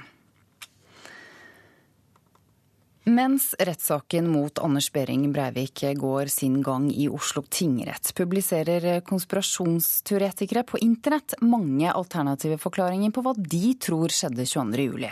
Nato, norske politifolk og jøder beskyldes for å stå bak terroren, mens Anders Behring Breivik fremstilles som en nyttig idiot. After bombing downtown Oslo, Anders Breivik teleported himself to the island of Utoya. Breivik må ha forflyttet seg fra Oslo til Utøya på overnaturlig vis, ironiserer en amerikansk kvinne på et klipp på nettstedet YouTube. Hun er sikker på at angrepet 22.07 ikke skjedde slik mediene rapporterer det. All the typical earmarks of a false flag are there. False flag, eller falsk flagg, brukes i betydningen at det var noen andre enn Breivik som sto bak og også gjennomførte i hvert fall deler av angrepet. Allerede i timene etter bomben i Oslo ble de første fantasifulle teoriene publisert på internett. Jødene, frimurere, den hemmelige organisasjonen Illuminati og reptilske romvesen i menneskeform var blant dem som fikk skylden. Medieviter Jon Færseth følger med på slike konspirasjonsteorier. Og Det er jo klassisk sånn der hoppe til konklusjoner. ikke sant? Man legger sammen forskjellige biter, og så lager man seg et bilde av det. Av ting som i utgangspunktet ikke henger sammen. Historikeren Webster Tarpley, en kjendis innenfor myndighetskritiske miljøer i USA, mener terroren var en Nato-aksjon, og at infiltrert norsk politi var medskyldige. The evidence points to a private network or indeed a NATO network inside the police. Og at Anders Behring Breivik var dum nok til å bli brukt. This individual allows himself to be used. You see this individual, but you don't see the network behind the scenes. It's fake. Jon Færseth synes det er skremmende at jøder og Nato får skylden for 22.07-terroren. Og ikke minst norsk politi. Nei, det er jo det er, det er galskap. Jeg tror det sier litt om det allmenne klimaet på nettet nå. Altså, en del mennesker er så vant til å skaffe seg informasjonen fra såkalt alternative kilder at de rett og slett de tar ingenting fra mainstream-media på alvor lenger. Reporter Tonje Grimstad. Debatten om hva som gikk galt i lønnsoppgjøret for offentlig sektor i år er i full gang. Akademikerleder Knut Årbakke tror én grunn til storkonflikten i offentlig sektor er at LO, YS og Unio forhandlet sammen. Da kan de ha følt seg forpliktet til å ta konflikt sammen også, selv om det ikke var mye å tjene på det, sier han. Det er klart Når det blir sånn alle for én, så uh, uavhengig av hva den enkelte måtte mene, så blir det sånn at uh, du får vetorett hos en av organisasjonene. Og Da vil det være sånn at hvis den ene er misfornøyd, så må de andre være misfornøyd også. Det tror jeg var med på å øke omfanget av den streiken vi fikk i staten. I forrige hovedoppgjør følte akademikerne at de ble tvunget ut i streik uten å ville det selv. Akademikerleder Knut Årbakke tror en årsak er at arbeidstakerne presser hverandre ut i konflikter ikke alle egentlig ønsker. Det som skjer i staten, det er jo at eh, de tre eh, organisasjonene LO, YS og Unio velger å opptre samlet. Og de samlet spente en eh, høy forventning og kastet landet ut i en storkonflikt som strengt tatt burde vært unngått. Mange forhandlere, både i stat og kommuner, har uttrykt stor frustrasjon over forhandlingsprosessene i årets lønnsoppgjør. Men på spørsmålet hvem har skylden, får vi mange slags svar. Akademikerne har jo vist her at dere opptrer litt mer alene enn de tre andre. Hva for et problem skaper det at de tre eh, opptrer så samla? Det skaper det problemet at de eh, ikke klarer å, å, differensiere på det som kommer. De må opptre samlet og vurdere dette som en samlet enhet. Istedenfor at enkeltgrupper kunne sagt f.eks. LO eller YS eller Unio kunne sagt dette er ålreit for oss. Og det gjorde konflikten større her? Ja, jeg tror det er rimelig å anta det. Reportere her var Håvard Grønli og Hedvig Bjørgum. Vekterstreiken fortsetter. På Værnes lufthavn utenfor Trondheim er det nå opp mot halvannen times ventetid i sikkerhetskontrollen. Gardermoen lufthavn har en ventetid på rundt en halv time. Flyplassene i Alta, Førde, Kristiansund, Leknes og Sandnessjøen er stengt for all utgående trafikk. Så sport. I kveld starter Bislett Games. Sprintduellen mellom Asafa Powell og Usain Bolt er høydepunktet. Og Bislett-general Steinar Hoen er fornøyd. Veldig, og det er litt ekstra hyggelig. Vi har vært veldig godt forberedt i år. Vi har, eh, I tillegg til Usain, som du nevnte, så har vi et veldig mye bredere felt i år. Vi har mange andre store navn i tillegg. Vi har eh, som nevnt Asafa Powell, vi har Kenenisa Bekele, tidenes langdistansestjerne. Vi har årets kvinnelige idrettsutøver i fjor på friidrettssiden, Sally Pearson. Pluss mye, mye mye mer. Og vi har brukt uh, mer penger i år. Uh, og vi har uh, forberedt oss bedre. Og vi er veldig fornøyd så langt. Nå til og med værmeldingen ser bra ut. Reporter Ole Jakob Jorseth. Ansvarlig for denne sendingen er Eirik Ramberg. Teknisk ansvarlig Hans Ole Hummelvold. Jeg heter Ida Creed.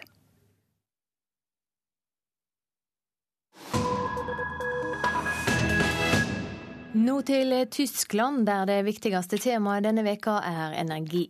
Snart er det ett år siden styresmaktene vedtok å avvikle all atomenergi på ti år. Det var en avgjørelse som vakte interesse over hele verden, og som kan få stor virknad for den globale energipolitikken. Men eh, mellom tyskerne er det lite entusiasme for vedtaket, rapporterer Ant Stefansen fra Berlin. Det var atomkatastrofen i Japan i fjor vår som satte det hele i gang. Hundretusener av tyskere gikk ut i gatene over hele landet og ropte et rungende nei til kjernekraft.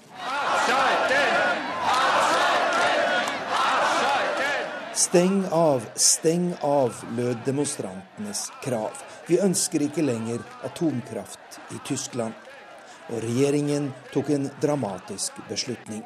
Nærmere halvparten av landets kjernekraftverk ble stengt over natten, og forbundskansler Angela Merkel kunngjorde at denne energiformen ikke lenger hadde noen fremtid i Tyskland.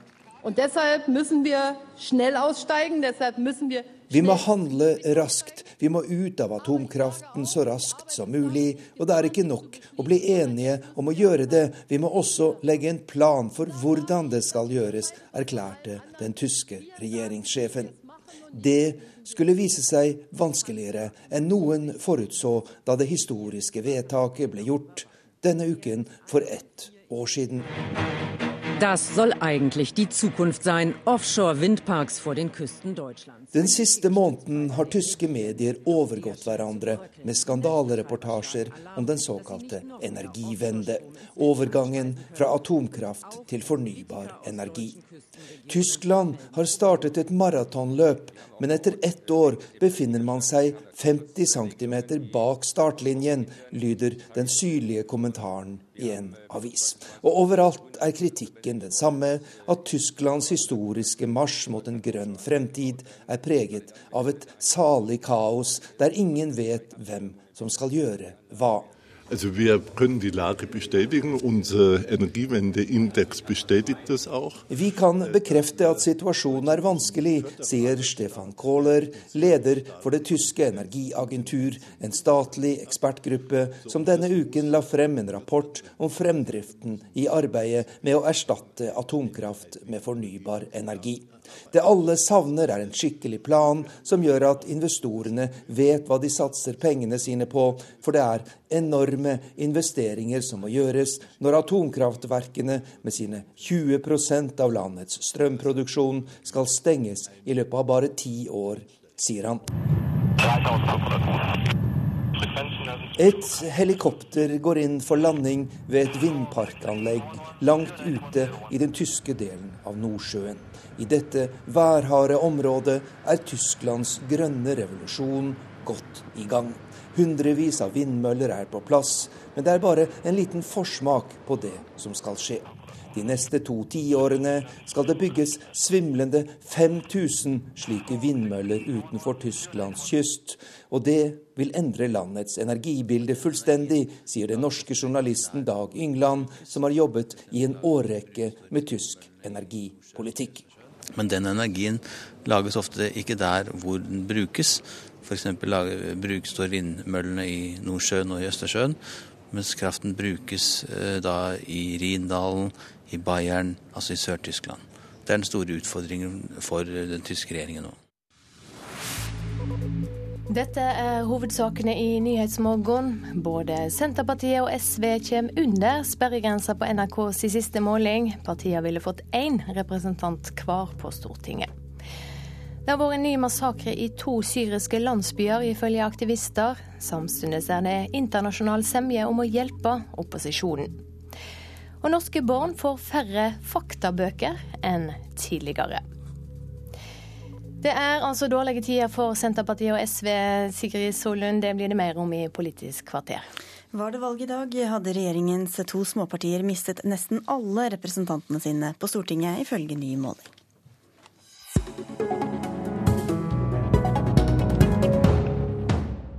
Og vi spør hvorfor Senterpartiet og SV havner under sperregrensa om litt her i Politisk kvarter. Før det, i dag skal Stortinget diskutere kårene i norsk arbeidsliv og regjeringens arbeidslivsmelding. I den anledning blir deler av venstresiden beskyldt for å tviholde på myten om brutaliseringen av arbeidslivet, dette for å kunne trumfe gjennom arbeidslivspolitikken sin. Påstanden kommer fra deg i en kronikk i Aftenposten, Torbjørn Røe Isaksen, arbeidspolitisk talsperson for Høyre. Hvordan mener du at venstresiden utnytter dette brutaliseringsargumentet? Først er det viktig å si at det er et argument som ikke holder vann. Altså Det stemmer rett og slett ikke at norsk arbeidsliv har blitt mer og mer brutalisert de siste tiåra. Vi jobber mindre enn før. Eh, vi jobber mer effektivt. Vi trives på jobben. Ni av ti nordmenn sier faktisk at de har det bra på jobben. Eh, jeg tror at litt av grunnen til at deler av venstresida opprettholder denne myten om at norsk arbeidsliv generelt er blitt mer brutalisert, det er jo selvfølgelig fordi at hvis det var sånn, så ville det vært vanskeligere selv med svært forsiktige oppmykninger av arbeidsmiljøloven, fordi man kunne stå i fare for å utnytte arbeidstakerne. Men hvis det derimot er sånn som er altså hvis, hvis vi får fram liksom hvordan arbeidslivet egentlig egentlig er, nemlig at det er preget av samarbeid, av godt forhold mellom de ansatte og ledelse, av stor iver etter å jobbe sammen for å nå felles mål, så betyr det også at vi kan kanskje slakke litt på tømmene og ha noen forsiktige oppmykninger av arbeidsmiljøloven. Vi skal komme tilbake til loven og virkemidlene. Snorre Valen, stortingsrepresentant for Sosialistisk Venstreparti. Hvorfor snakker dere om brutalisering av arbeidslivet hvis nordmenn er fornøyd med jobben sin? Først må jeg si at jeg deler jo hovedinntrykket til Torbjørn Risaksen. De aller fleste har det veldig bra i Norge på jobben. Og det er jo bl.a. fordi vi, de rød-grønne, har styrt de siste sju åra og f.eks. stoppa den arbeidsmiljøloven som Høyre innførte da de satt i regjering, med åpning for 13 timers arbeidsdag eh, osv. Så, videre. så det er ikke blitt mer brutalt i arbeidslivet? Nei, men vi står i fare for det. Det er veldig mange unge i dag som sliter med å få fast stilling. Det er færre som er fagorganisert enn før. Eh, flere som jobber ubekvemme, eh, ubekvemme arbeidstider uten å få ordentlig betalt for det. Så et helt rykende ferskt eksempel. I borgerlig styrte Tromsø, som liksom er et blått utstillingsvindu, som i går vedtok å konkurranseutsette i alle sektorer, i alle byrådsområder. Og Det sier seg sjøl at det fører til et verre arbeidsliv, for det er eh, pensjonsforholdene og lønnsforholdene til folk man eh, konkurrerer på. Det viser jo helt tydelig en rapport vi har fra Stortingets utredningsavdeling også, at det gjennomgående er sånn at du tjener dårligere og har mye dårligere pensjon i konkurranseutsatt sektor okay. i kommunene. Så det er noen eksempler på hvor arbeidslivet er blitt mer brutalt? Ja, og hvor det står i fare for å bli verre. Eh, jeg er enig i at arbeidslivet i Norge i dag ikke er brutalt. Det ville vært absurd å hevde det. Vi lever i et av verdens beste land. Men det betyr ikke at vi bør gjøre det verre. Det virker nesten som Torbjørn Røe Isaksen sier at arbeidslivet i Norge er litt for bra, og nå får vi myke opp litt. Og det å bruke begrepet oppmykning, det er jo bare ideologi. Det han egentlig mener, er jo at folk må jobbe mer og få dårligere kompensert for det. Det er en oppmykning for de som tjener penger på andres arbeid, men det er jo ikke en oppmykning for de som må jobbe flere timer eller sitte lenger i kassa. For høre Isaksen, Hvis arbeidslivet er så godt og trygt med dagens regelverk, hvorfor vil dere da endre det? Jo, for at arbeidslivet har også, Vi har noen store utfordringer med dagens arbeidsmiljølov. Den, vi trenger en arbeidsmiljølov, bare så det er sagt, og vi trenger også noen faste grenser for f.eks. hvor mye man kan jobbe. Men hvis vi går gjennom og ser på mediebildet de siste åra, så ser vi at i, i Trondheim f.eks. så ble det avslørt 28 000 brudd på arbeidsmiljøloven. I Helse Sør-Øst ble det avslørt 50 000 brudd på arbeidsmiljøloven. Vi spurte for et par uker siden Forsvarsdepartementet hvor, om hvorvidt de klarte å gjennomføre arbeid med Forsvarets langtidsplan uten å bryte arbeidsmiljøloven. Svaret på det var nei.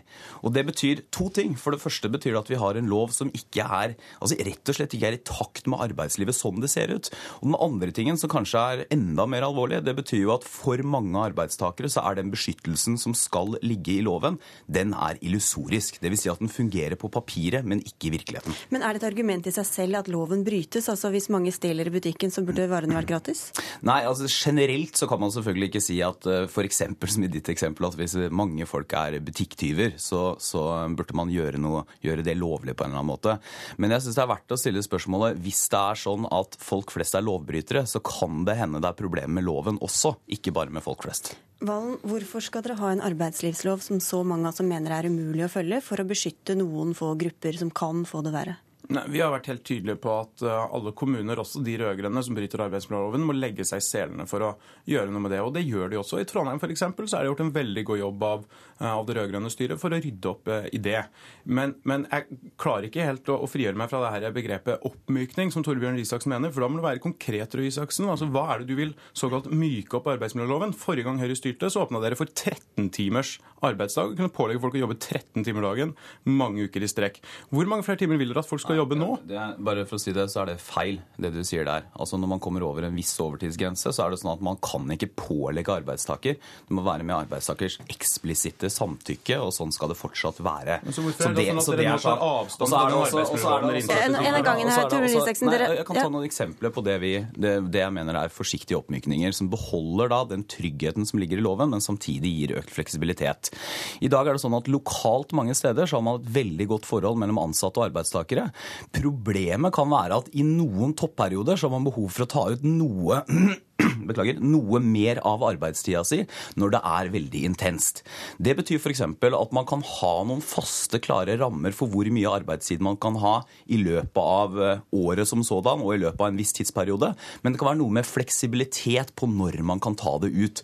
Og da kan man være enda mer fleksible dersom man kan finne gode lokale løsninger på det.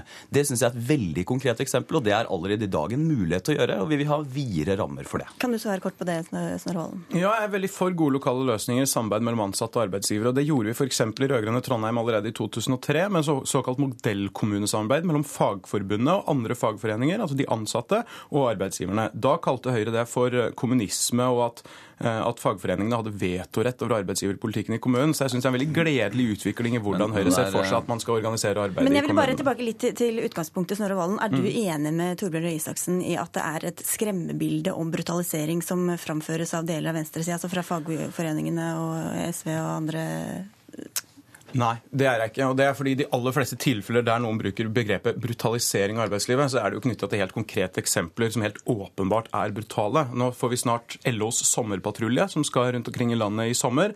De kommer til å avdekke de villeste arbeidsforhold som ungdom jobber under, og det er helt åpenbart en brutalisering. Og jeg syns det er en sånn merkelig gang til debatten å angripe fagbevegelsen, altså de som kjenner det her mest på kroppen, for å løfte fram de eksemplene vi må være oppmerksomme på. Dette, dette er ikke et angrep på fagbevegelsen. Altså, og, og bruke det som brekkstang for det Torbjørn Risaksen og Høyre kaller oppmykning, men som jeg vil kalle en brutalisering av arbeidsmiljøloven. Det er ikke sånn Torbjørn, at alle Nei. kan jobbe med iPad på hytta. Hvis du skal myke opp arbeidsmiljøloven i den forstand at folk skal jobbe lenger, så betyr det for de helsevesenet at de må løfte og bære lenger og være til stede lenger. Hvis du skal jobbe lenger i butikk, okay, så må du sitte lenger i butikk. Dette, er ikke, dette er ikke arbeidslivet sånn det funker i dag. Og selvfølgelig er det ikke sånn at alle kan jobbe med iPad på hytta, og vi skal heller ikke ha et arbeidsliv som bare er lagt opp etter dem. Men det vi snakker om er f.eks. La meg ta et eksempel. I norsk kriminalomsorg så er det sånn at fordi man har innsnevra og stramme regler, så er det kjempevanskelig for folk som må pendle fram og tilbake til jobb, som mange gjør fram og tilbake til fengslene våre, å få vaktturnusen og vaktlistene til å være tilpassa. Det betyr at folk må være mer på jobb og mer borte fra familien sin i praksis. Og det er der vi kunne hatt litt mer fleksibilitet enn vi har i dag. Men du kommer jo med noen beskyldninger, altså at de opprettholder denne myten. Ja, men, men hvilke det... motiver skulle de ha for det, hvis ikke Nei. de trodde helt selv på og mente Nei, jeg at det var jo, La meg bare si det, for å, for, å, for å, være litt nyansert, så er det helt åpenbart at i noen små deler av norsk arbeidsliv så har vi sett vilkår som er helt uakseptable. Og det må vi adressere, og det er vi nødt til å gjøre noe med. Men det man opprettholder, er Det er ikke mer enn et par uker siden en, en, en organisasjon som uh, organiserer folk i Nav, f.eks., hevdet at det var fordi næringslivet hadde så voldsomt profittbehov at folk ble syke og falt ut av arbeidslivet. Det stemmer altså ikke i det store og det hele. Norsk arbeidsliv er bra preget av samarbeid. Dette blir det mer om i debatten i Stortinget om et par timer. Takk for deltakelsen, Torbjørn Røe Isaksen. Snorre Valen, du blir med litt videre i sendinga.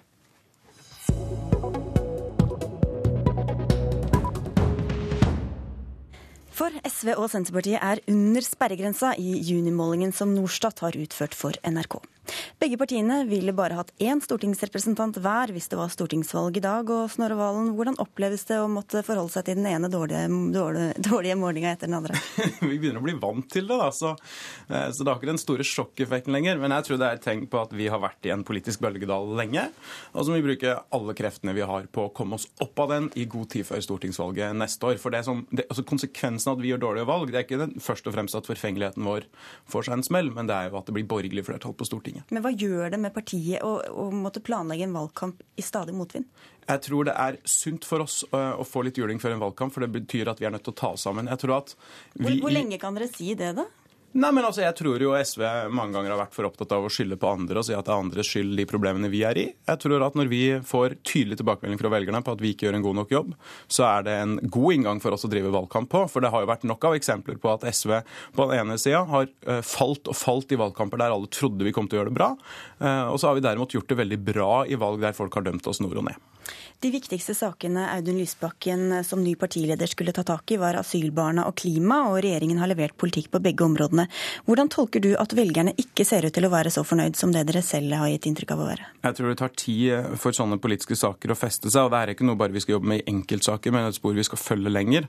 Eh, så glemte du ett punkt, og det er arbeidsliv, som vi også skal jobbe mye med. Og der er det helt åpenbart behov for et parti som oss, når Arbeiderpartiet i dag går til høyre for å sørge for flertall for vikarbyrådirektivet. Ja, der var du inne på noe annet. Hvor mye, dere, hvor mye frister sånne mening, dårlige meningsmålinger til å profilere dere på tvers av regjeringens og de andre partienes politikk? Nei, dette er vel omtrent første gang i mitt liv at jeg angriper Arbeiderpartiet på radio. Eh, jeg tror jeg, jeg, tror ikke det har noe med det å gjøre hvilken oppslutning vi har. Vi har hatt perioder i SV der vi har vært veldig opptatt av å bare snakke positivt om samarbeidspartnerne våre, og så har vi hatt perioder hvor vi har tøffa oss litt mer. Og det har ikke gjort noen forskjell på meningsmålingene. Jeg tror at når vi gjør dårlige meningsmålinger, så er det fordi folk gir oss en tilbakemelding på at vi har et politisk problem, og da er det vi som må skjerpe oss og ikke peke på andre. Klimasaken er kanskje den absolutt viktigste for SV. Partiene på Stortinget, unntatt Frp, møttes igjen sent i går kveld for å snakke om et mulig klimaforlik, og samtalene fortsetter i dag. Hvordan er det for SV om opposisjonspartiene klarer å dra regjeringspartiene i en mer ambisiøs og forpliktende retning enn det SV har fått til? Jeg er hakket mer, eh, hakket mer pragmatisk enn det. Eh, vi er veldig fornøyd med den klimameldinga vi, eh, vi, la fram for noen uker siden. Jeg syns både Erik Solheim og Bård Vegar Solhjell gjorde en veldig god jobb med det. Og så tenker jeg at alle forbedringer vi kan gjøre i Stortinget, både fra borgerlig og fra rød-grønn side, det er bra. Og da, du, liksom, da, er du inne på et viktig poeng. Jeg tror både vi og andre er litt for opptatt av SV og litt for lite opptatt av sakene. Og jeg får en litt sånn protestantisk arbeidsmoral. Jeg er ikke så opptatt av hvem som får æra eh, for de politiske sakene. Jeg mener at asylbarna-saken er, er, viktigere for asylbarna enn for SV. Jeg mener at klimasaken er viktigere for klimaet og for jordas økosystem enn for SV. All hjelp er velkommen så lenge den ikke kommer fra Frp, da. Frp har meldt seg sjøl ut av klimaforhandlingene, og det er ikke så rart når de har en talsmann har på klima som tror at sola står bak klimaendringene. De har nok en helt annen versjon, bare for å ha sagt det. Takk skal du ha, Snorre Valen. Kyrre Nakkim, leder av økonomi- og politikkredaksjonen her i NRK. Snorre Valen høres ikke så bekymra ut, men hvor alvorlig er dette for SV og for Senterpartiet? Det er klart det er alvorlig. Det, hadde det vært én måling, eh, så kunne man kanskje trukket litt på skuldrene og slappet av. Men eh, her har det vært flere målinger som har vist eh, partiene under. Det uvanlige med denne målingen er at det viser begge de to småpartiene i regjeringen under sperregrensen. Men det viser at man har et alvorlig problem i forhold til velgerne. Man får ikke fram politikken sin, og først og fremst så vinner man ikke fram i regjering. Man blir stanset av Jens Stoltenbergs knallharde økonomiske linje. Er det forklaringen? Stor del av forklaringen er det at man møter Arbeiderpartiet, som har bestemt seg for å ikke gi for mye. Eh, Audun Lysbakken pekte jo selv på disse to eh, store meldingene som skulle komme i vår, klimameldingen og, Barn på flukt-meldingen. Eh, og I begge stedene så har Arbeiderpartiet holdt tilbake SV, slik at resultatet av meldingene ikke har vært en klar og tydelig profil. Det har vært mer vassende kompromisser, så hvor politikken ligger fast. og Da får man ikke den radikaliseringen som SV nok er avhengig av for at velgerne skal føle en viss grad for, eh, for entusiasme for prosjektet. Bare for å ha sagt det, så har vi forsøkt å få SV-leder Audun Lysbakken til å komme i Politisk kvarter hele uka, men han har takket nei. Jeg ser du peker på deg selv, Snorre Valen, og det er godt at du kom. Høyre og Fremskrittspartiet har rent flertall på denne målinga, Nakim. De borgerlige understreker at de går sammen om mye felles politikk på område etter område på Stortinget. Men f.eks. da et stort og viktig område som klimaforliket ble Frp satt på gangen. Hva gjør det med balansen i politikken?